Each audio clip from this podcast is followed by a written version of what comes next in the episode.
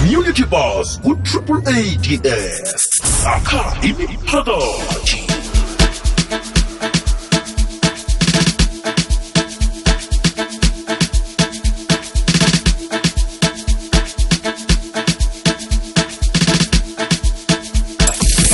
yakwamukela eshelweni elithumbe unongorwana 2021 radio awards best afternoon drive show pbs sakwamukela nawe esikhamba nawe bunqopha lapha ekhasini lakabiziwe masango kufacebook. Thembisile ukuthi njengalesi sikhathi sabe sikhulumisana norendani eh chibula eh uyi-PR and stakeholder relations engagement manager eh lapha ke kwalirato sasicocela bona lirato le yini isebenzani siyathokoza ukuthi sikhambisane nawe namhlanje si eh rendani. Sabona baba and sabona nthi bonke abalaleli beyikwekwezi before sicala i have to explain ukuthi hey isindebele sama sisi-perfect kodwa ngizazama isizazama nokuzalinga thina siyakuzwa mna kwethu all right. And then ngibuya ku ngirepresenta i-plumbing industry registration board. So lerato agency obviously strategic partnership yethu kodwa thina sidila nge-plumbing yase-south africa.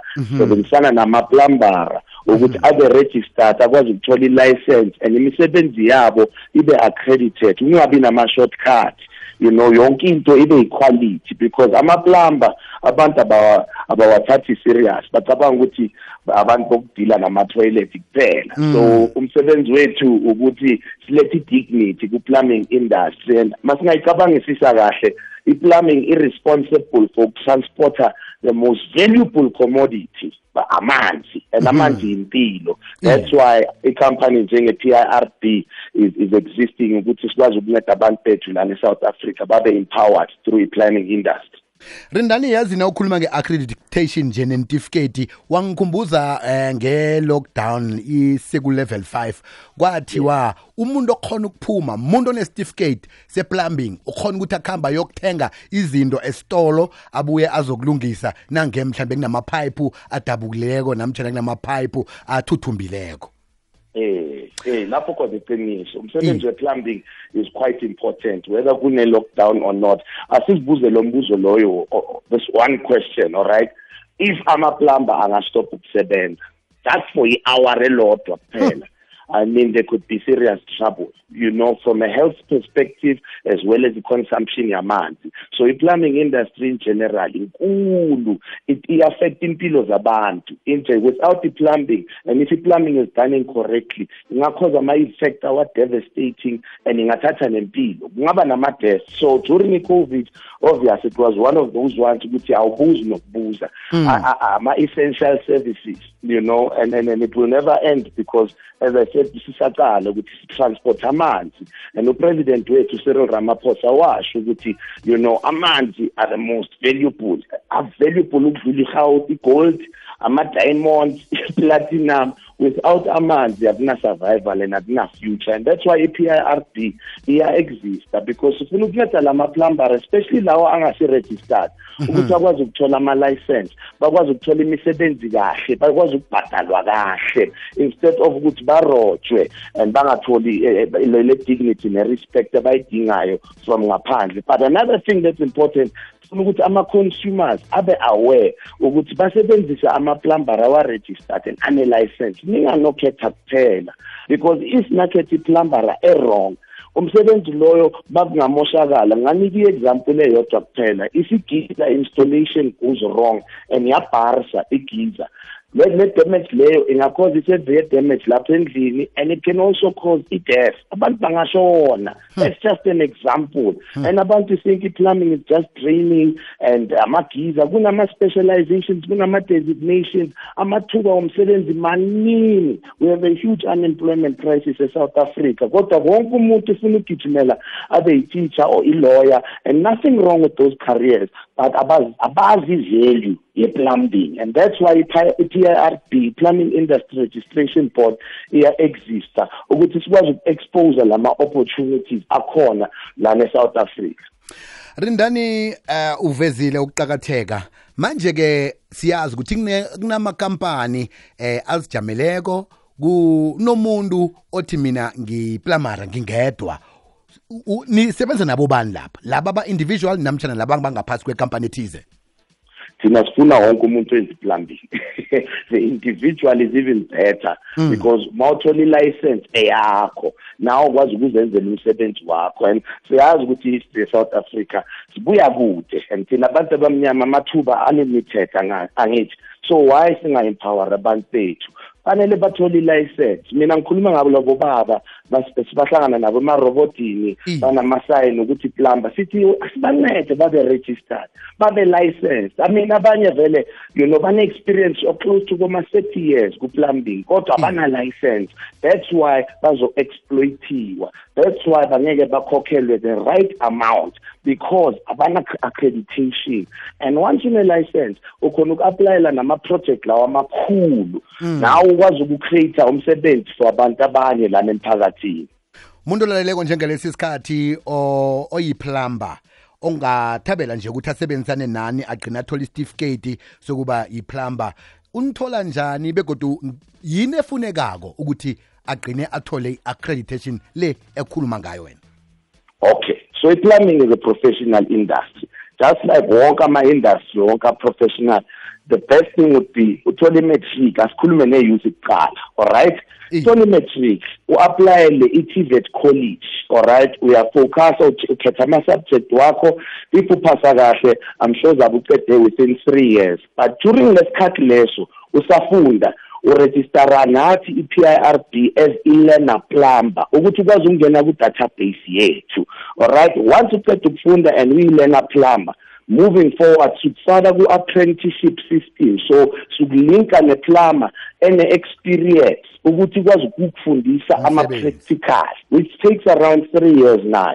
Once you've passed the final stage which is very important ibiza i-trade test it means uzoba qualified. Then uregister futhi nathi from learner into a registered and licensed plumber. So wonke ama-details wethu and all information aku-www pird and baba ngifuna just to emphasize something Mm. masikhuluma nge-plumbing.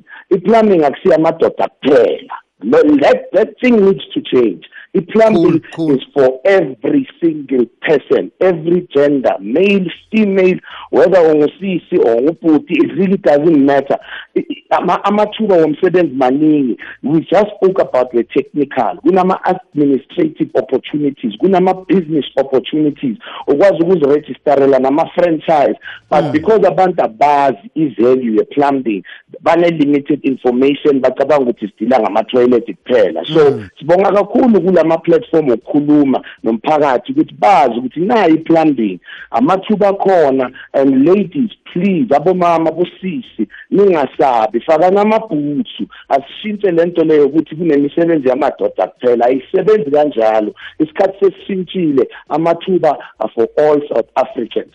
Nani the ladies and nani amadoda. And if you are an uh, asithi awuna qualification kodwa dala uyenza plumbing uza kithi ku-website or uyasifonela thina ku-PRB sikufaka ku-system lesibiza i-RPL recognition of prior learning sikulinka to an organization let's lesibiza the IOPSA, Institution of Planning South Africa. La sibheke i-experience yakho ukuthi okay ukwazi ukwenzani nani siku-align and hopefully sikulinke la ukhona ukwazi ukuthola i-trade test yakho. But amathuba maningi as-offer i-training thina i-PIRD we offer the opportunity to become licensed and accredited oqeda ukuyikhuluma nje ngiyalabo abane-ambarha kade bathoma ukwenza umsebenzi lo kodwa namhlawumbe babantu abakhulu bantu abadala nje eh ngikho- ngibokhuluma ngabo nje angitsho. Yebo yebo. Aha. labo bona ish- inhliziyo yami iba buhlungu because bayasaba you know and and and ngihlale ngisho ngithi bobaba we travel around i-south africa yonke sine-PIRB and plumbing industry road show whether ungaye enatali whether uye empumalanga uzohlangana nabo baba bethu kodwa because of information engabi exposed nabo abazi ukuthi bayephi. Mina ngizothi ba-inquire bangasabi www.pird.co.za ngiyasitshela ukuthi okay I'm a plumber I've had 30 years experience. Thina sikulinka ne-organization lebathi i-iopsa i-iopsa izakunika i-rpl recognition of prior learning. And that is so important because sibheke i-experience yakho siyatesta ukuthi okay wazini uhlulwa yini? Sikunika le information ye-theory you know abantu bangasabi ukufunda. Ukufunda kuna limitation akuna age restriction. And lana e-P R D sikhuluma wonke amalimi. You know uyayeza ukuthi lesindebele sama sisi right kodwa ngiyazama. Kumele rindani sesiyivala nje sile nga 30 seconds. Um ama-ofisi wena kuphi i-head office here to, yethu ise-pretoria centurion alright e-164 rente road alright e-centurion kodwa we are we are we, we work ne-south africa yonke. Uh, we're not based just lana for basepretoria kuphela. We are the PIRB i-national board ye-plumbing the plumbing registration board. So it's for the entire country the entire country. Please bangasabi if abakwazi ukuze ofisini phone asifone asibaphi inomboro zomtato vele. Mm. zithini inomboro zomtato abangazidosela khona baza kuthola ilwazi elinabileko? Ufuna amanamba? Amanamba iye.